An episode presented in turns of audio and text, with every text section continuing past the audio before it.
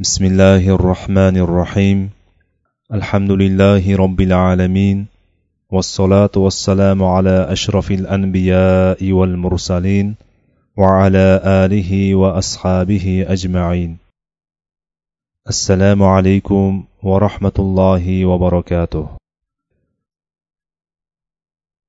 umaviylar xilofati davridagi madaniy holat. Hisba. U yaxshilikka buyurib yomonlikdan qaytarish hamda odamlarning savdo sotiq kiyinish muomala binokorlik kabi islom va uning odoblarini lozim tutishlarini kuzatib borish vazifalarini bajaradigan hokimiyat. Unga dinga qayg'uradigan taqvoli ahli ilm kishilar tanlanar edi. Ular muloyimlik pand nasihat uslubida amri ma'ruf nahiy munkar qilishardi. Agar bu foyda bermasa hukmronlik va majburlash uslubini qo'llashardi. Bu yerda o'lchov idishlari va tarozilarni to'g'riligini tekshirib turish uchun alohida binolar ajratilardi hisbaning raisini muhtasib deb atalib kattayu kichik odamlar ustida hukmronligi keng bo'lib mirshablar shahar muhandisi va va qozi hukmronligiga ega edi. Hisba nizomini birinchi bo'lib umar ibn xattob roziyallohu anhu tuzgan. U payg'ambar sollallohu alayhi vasallam va undan keyin abu bakr roziyallohu anhu qilganidek muhtasib vazifasini o'zi bajarar edi. Hisba juda muhim buyuk ish hisoblanadi. Chunki u sababli dinni muhofaza qilib uning hurmatini bezorilarning hazillariyu johillarning beboshliklaridan saqlab qolish islomning shon shuhrati va mo'tabarligini izhor qilish yuzaga chiqadi. Pochta aloqa xizmati. Islomda pochta nizomini yo'lga qo'ygan birinchi kishi muoviya ibn abi sufyon roziyallohu anhu bo'lib u buni shom diyorlariga hokimlik qilayotgan davrda rumdan olgan. Yo'llar masofalarga taqsimlanib har bir masofaning so'ngida turli shaharlarga maktubni eltish uchun otlar tayyorlab qo'yilardi. Xatni tashuvchi maktubni olib tezda jo'naydi. Birinchi masofaning oxiriga yetgan paytda uni o'sha yerdagi xat tashuvchi qabul qilib olib uni keyingi masofaga tezlik bilan yetkazadi. Shunday bo'lib davom etaveradi. Hatto maktub amir va voliylarga imkon qadar tezroq muddatda yetib boradi. Har bir masofa oralig'i o'n ikki mil bo'lib barid deb nomlangan. Bir mil bir ming to'qqiz yuz yigirma metrga teng masofadir. Abdulmalik ibn marvon davrida aloqa xizmati yanada mustahkamlanib davlat ishlarini boshqarishdagi muhim jihozga aylandi. Devonlar. Umar ibn xattob roziyallohu anhu davrida islomiy davlat maydoni kengayib turli islomiy shaharlardan o'lja xaroj zakot va boshqa moliyaviy manbalar ko'plab kelgach bu mollarni iloji boricha insof adolat bilan taqsimlashni xohladi. Unga bir fors kishi davlatning kirim va chiqimini tartibga solib turish uchun devonlar ya'ni kanselyariya nizomini yo'lga qo'yishni maslahat berdi. Umar xayr ehson devonini tashkil qildi. Bunda musulmonlarga beriladigan maoshlar tartiblangan bo'lib umar ularni tabaqalarga ajratgandi. Maoshlardagi tafovut islomda birinchiligiga qarab edi. Agar bunda teng bo'lib qolishsa rasululloh sollallohu alayhi vasallamga qarindoshchiligi yoki u kishining oldidagi manzilatiga qarab tartiblanardi. Shuningdek u askarlarning nomlari va ularga tegadigan urushlarni yozib borish uchun harbiy qism devonini ta'sis qildi. Baytul molga keladigan turli manbalarni yozib borishi uchun esa tushum devonini yo'lga qo'ydi. Bani umayya davrida idoriy ishlar quyidagi to'rtta devonga cheklangan edi. Birinchi xaroj ya'ni soliq devoni. Ikkinchi xat xabar devoni. Bu islomiy viloyatlarga yoziladigan xatlar hamda islomiy o'lkalardagi voliylardan keladigan xat xabarlarni boshqarishga ixtisoslashgan edi. Uchinchi. Kirimlar yoki xarojdan boshqa turli manbalar devoni. To'rtinchi. Muhr devoni. Uni moviya ibn abi sufyon roziyallohu anhu ta'sis etgan edi. U davlat devonlarining eng kattasi bo'lib uning xizmatchilari xalifaning farmonlaridan nusxa ko'chirib ularni ip bilan bog'lab sham bilan muhr bosilgandan keyin saqlash uchun o'sha devonga topshirishgan. Shundan so'ng bu devon boshlig'ining muhri bilan muhrlangan. Bu devon hozirdagi arxiv bo'limiga o'xshab ketadi. Haroj devoni abdulmalik ibn marvonning davrigacha fors va yunon tillarida yozilib kelgan. Abdulmalik iroq va shom devonlarini arab tiliga o'tkazdi. Undan so'ng o'g'li valid misr devonini arab tiliga o'girtirdi. Mirshablik. Mirshablik bilan xalifa yoki voliy tinchlik o'rnatib tartibni saqlash hamda fitnachi va jinoyatchilarni tutish uchun allohdan keyin ularga suyaniladigan askarlar qasd qilinayapti umar roziyallohu anhu tunda aholining tinchligini saqlash uchun birinchi bo'lib kechasidagi qo'riqchilik xizmatini yo'lga qo'ygan. Ali ibn abi tolib roziyallohu anhuning davrida mirshablik kuchaytirilib uning boshlig'iga mirshab sohibi deb aytildi. U hozirgi asrda jamoat tartibini saqlash bo'limi boshlig'iga o'xshab ketadi. Mirshablik dastlab qozilikka tobe bo'lib mahkama hukmlarini ijro qilishni amalga oshirardi. Uning boshlig'i hadlarni qoyim qilardi. Keyinchalik uning salohiyatlari kengayib ketdi. Qozilik. Qozilik rasululloh sollallohu alayhi vasallam davrlarida alohida vazifa emasdi. Uni rasululloh sollallohu alayhi vasallam musulmonlarga imom ya'ni boshliqligi e'tibori bilan o'zlari boshqarib odamlar orasida olloh nozil etgan narsalar bilan hukm qilardi. Islomiy da'vat yoyilgach rasululloh sollallohu alayhi vasallam ayrim sahobalarga odamlar orasida qur'oni sunnat hamda ishtihod bilan hukm qilishga ruxsat berganlar.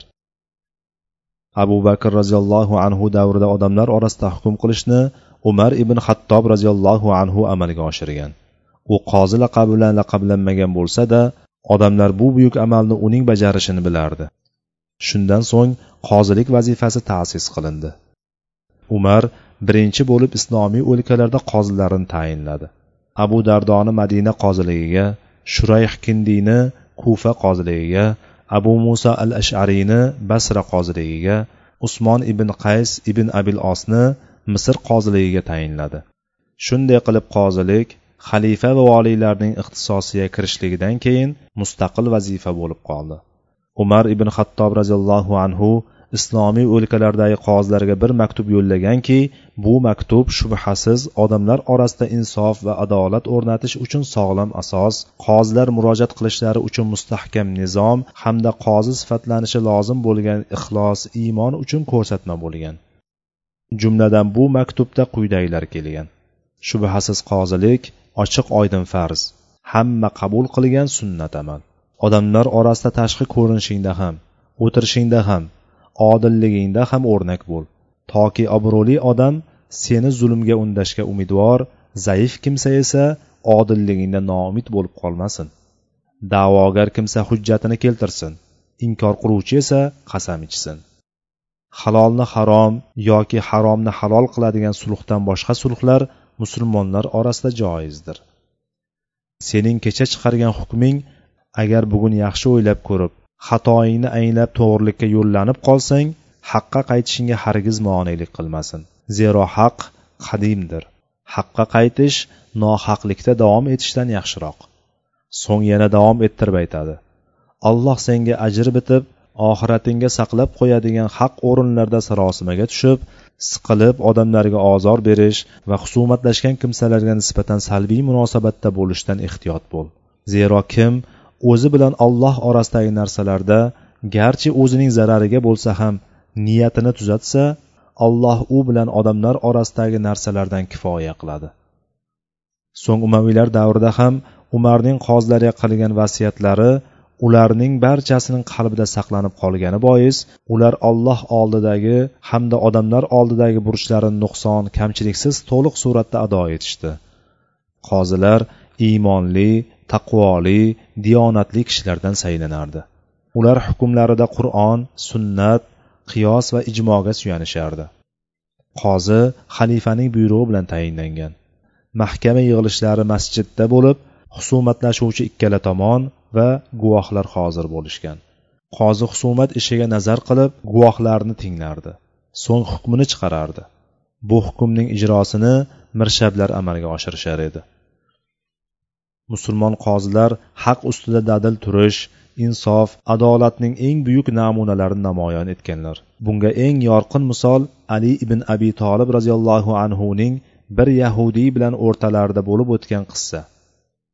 Bunda shurayh qozi xalifaning zarari yahudiyning foydasiga hukm qilgan tarix samarqand qissasini rivoyat qiladi. Qutayba ibn muslim rahimaulloh samarqandga noshar'iy yo'l bilan kirgan va musulmonlar unda bir muddat yashagan.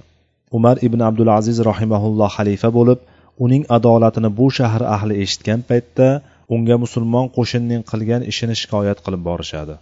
Umar ular orasida bir qozi tayinlaydi. Bu qozi islomiy qo'shinning shahardan chiqib uni aholiga topshirishi bilan hukm qiladi. Shu vaqt shahar ahli bu ajoyib odillikdan lol qolib musulmonlarni diyorlaridan chiqib ketishlariga rozi bo'lishmaydi. Qozilarning bu kabi shijoati hamda odilligi qissalari juda ham ko'plab keltirilgan. Oliy mahkama.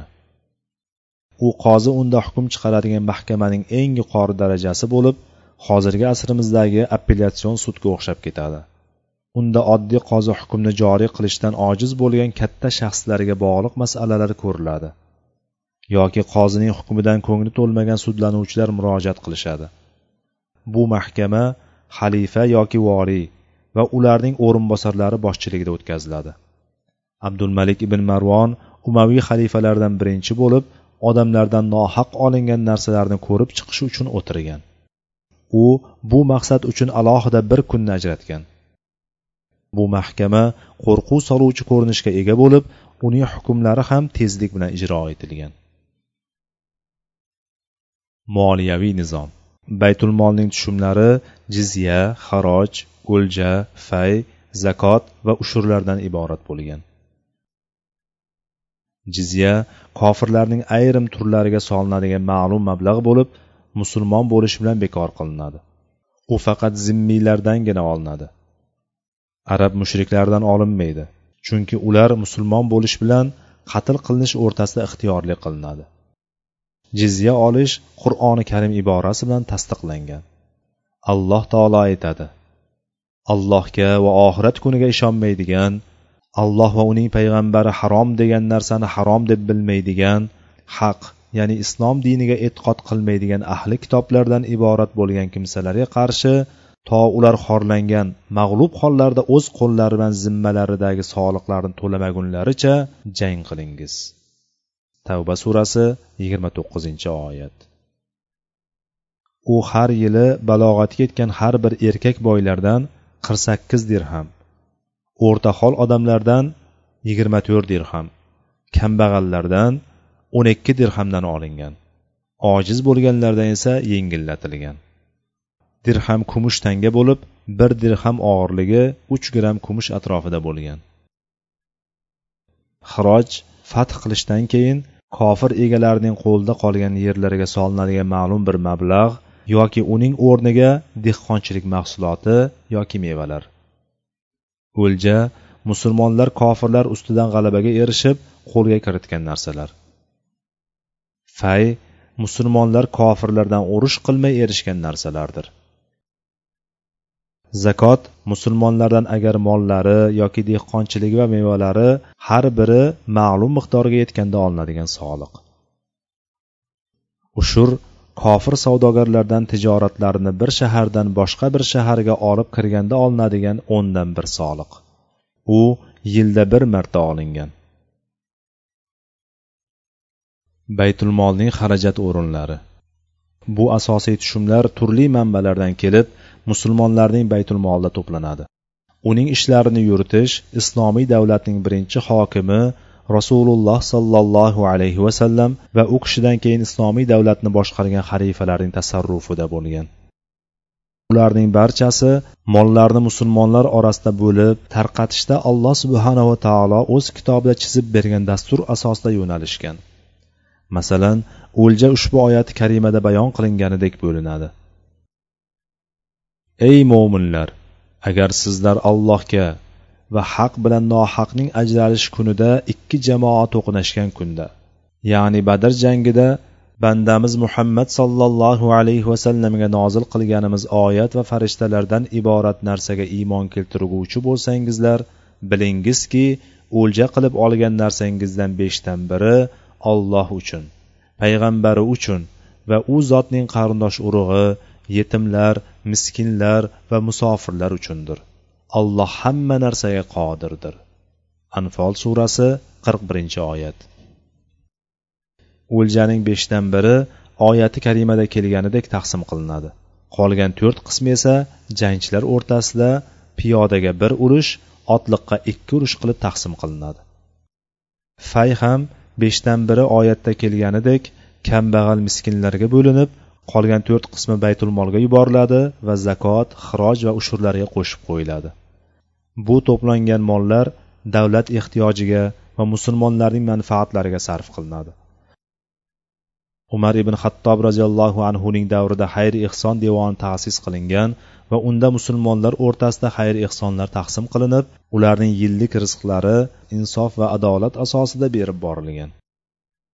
Barcha shaharlardagi omil va voliylar uchun tayinlangan oyliklar va yana shuningdek yuqorida aytib o'tilgan devonlarda xizmat qiluvchilarning oyliklari ham baytulmoldan ajratilardi. Bu holat umaviylar davri mobaynida davom etib xalifalar ham barcha islomiy o'lkalardagi voliylar ham shu yo'nalish bo'yicha yurganlar. O'sha vaqtlarda johiliyat olamidagi mollar hokimiyat egalari hamda ularning tobelarida cheklangan. Ammo qolgan odamlar esa ochlik va nochorlik xatida bo'lishgan.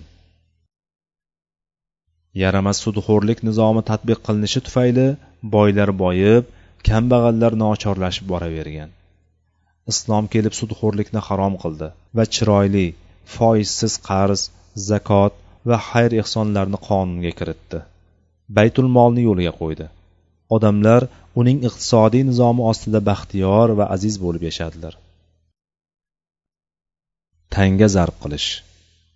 Musulmonlar abdulmalik ibn marvon davridan oldin vizantiya tilla tangalari va fors kumush tangalari bilan muomala qilishardi. Bu holat fors diyorini to'laligicha rum shaharlarini ko'pini fath qilgan kuchli ummatni izzat nafsiga tegardi. Abdulmalik xalifalikka o'tirgach bu holatga sabr qila olmay islomiy arabcha pul bosib chiqarishga qaror qildi. Va bu maqsad uchun damashqda bir zarbxona qurdi. So'ng davlatning barcha chekkalaridagi iste'molda bo'lgan ajnabiy tangalarni yig'ishtirib o'rniga ba'zi qur'oniy oyat bilan naqshlangan tilla va kumush yangi tangalarni zarb qilishga buyurdi.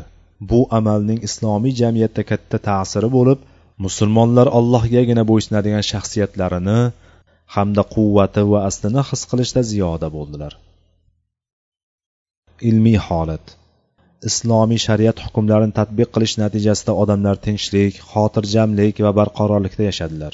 Ular orasida yoyilgan tenglik odillik sababli baxt saodat farovonlik tuyardilar. Buning natijasida ular bilim olish binokorlik kabi madaniyat samaralariga e'tiborlarini ko'proq qaratdilar. Islomiy fathlar musulmonlar fath qilgan barcha shaharlarda islomiy ilmlarning yuzaga kelishiga asos bo'ldi.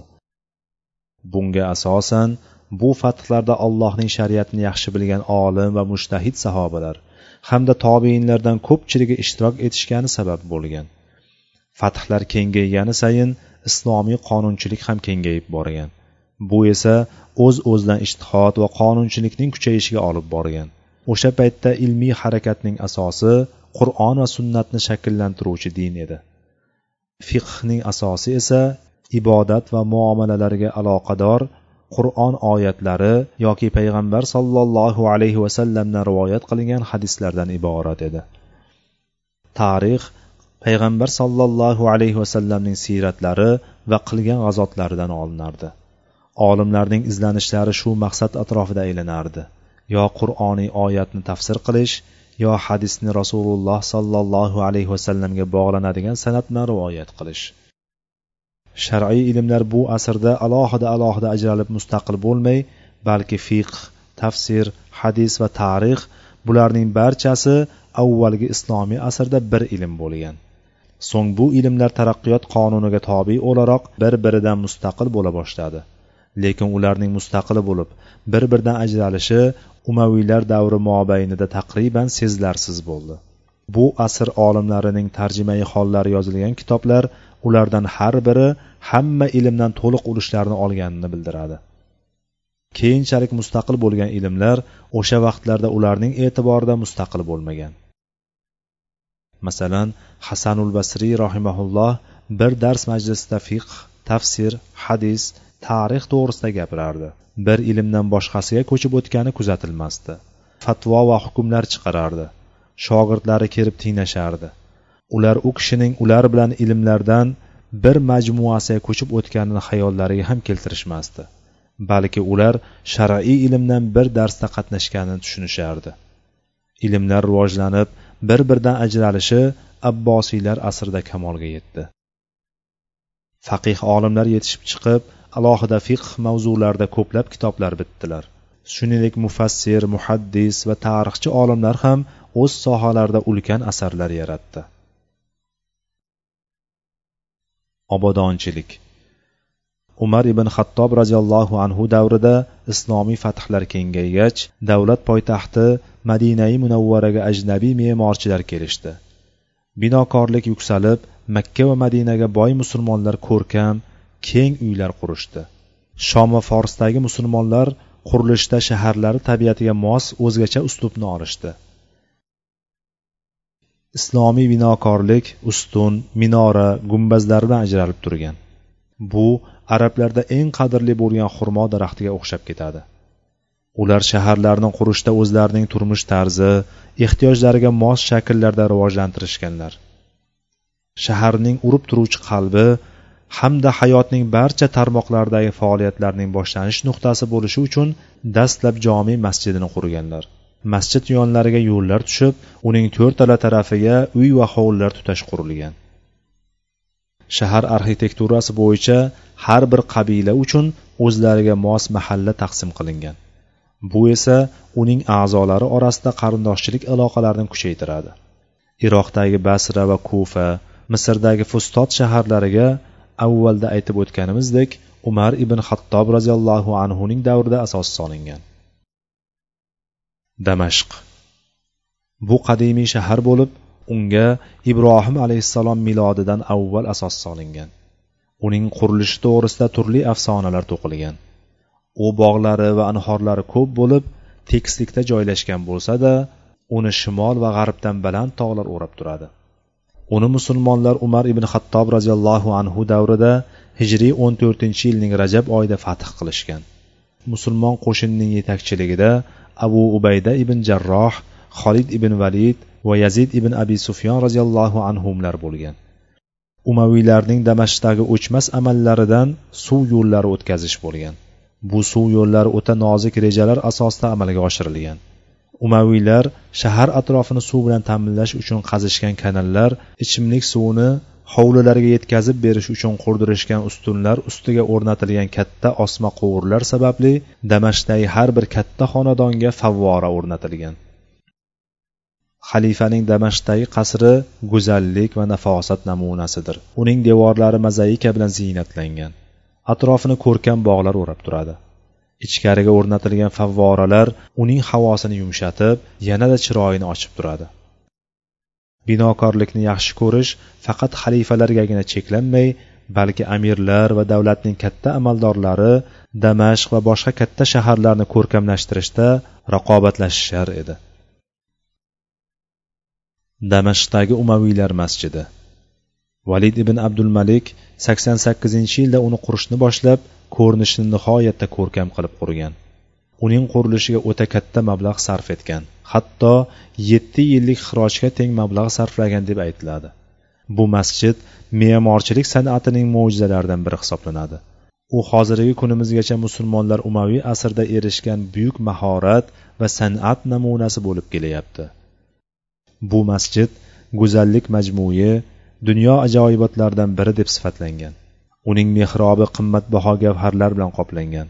Qandillari tilla va kumushdan qilingan bo'lib ajoyib tilla zanjirlarga osib qo'yilgan. Odamlar o'sha paytda validni malomatlashib isrofgarchilik bilan ayblashgan. Lekin u bu masjid musulmonlarning kuch qudrati belgisi ular erishgan madaniyat boylik va taraqqiyotning dushmanlarga bildirib turadigan nishonasi bo'lishini xohlardi. Ba'zi voqealar keyinchalik uning uzoqni ko'rganini izhor etdi.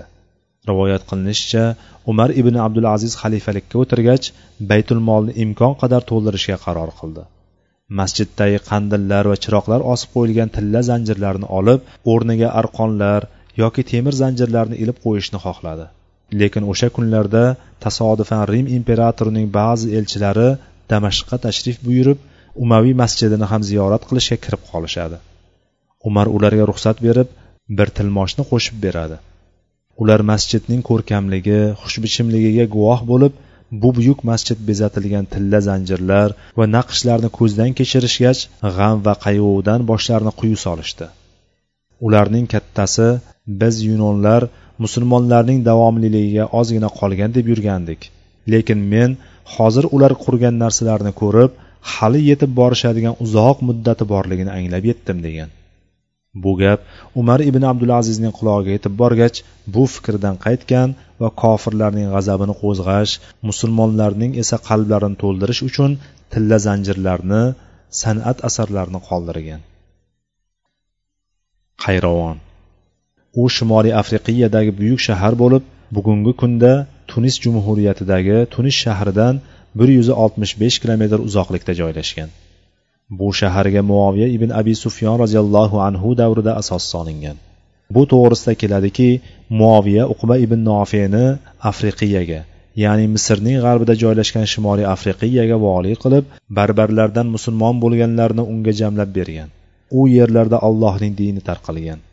So'ng uqba o'sha paytda ashoblarini yig'ib ularga bu o'lkada islomni himoya qiladigan va musulmonlarga yashash joyi bo'ladigan bir shahar qurishni taklif qildi. Ular uning taklifini ma'qullashdi. So'ng qayravonning o'rniga kelishdi. U yirtqichlar ilonlar va turli ozor beruvchi hasharotlar bilan to'la daraxtlari bir biriga kirishib ketgan katta changalzor edi. Ashoblari bu yerdagi yirtqich va hasharotlardan jonimizga qo'rqamiz deyishdi. Uqba ularni shijoatlantirib allohdan ularga yordam berishini so'radi. Allohning fazli va rahmati bilan yirtqichlar va hasharotlar tarqab ketishdi. Ular shaharni qurishni boshladilar. Ularning soni o'n sakkiz mingta edi. Bu hijriy elliginchi yili bo'ldi. Bu shahar qurilgandan boshlab hozirgi kungacha katta ahamiyat kasb etib yillar o'tgan sayin me'morchiligi va madaniyati yuksalib bordi. Madrasa va bilim yurtlari ko'payib islom diyoridagi asosiy shaharlardan biri bo'lib keldi. Shu bilan umaviylar tarixiga asoslangan muxtasar kitobimizni nihoyasiga keldik. Alloh subhana taolodan tavfiq so'raymiz. Undagi har bir harf va kalimalardan alloh subhana taolodan ajr mukofot so'raymiz. Bizlarni bu ne'matlarga yo'llagan allohga hamdu sano bo'lgay. Agar bizni alloh hidoyat qilmaganida hargiz yo'l topa olmas edik. Subhanakallohumma va bihamdik. Ashhadu an la ilaha illa anta astag'firuka va atubu ilayk. وآخر دعوانا أن الحمد لله رب العالمين والسلام عليكم ورحمة الله وبركاته.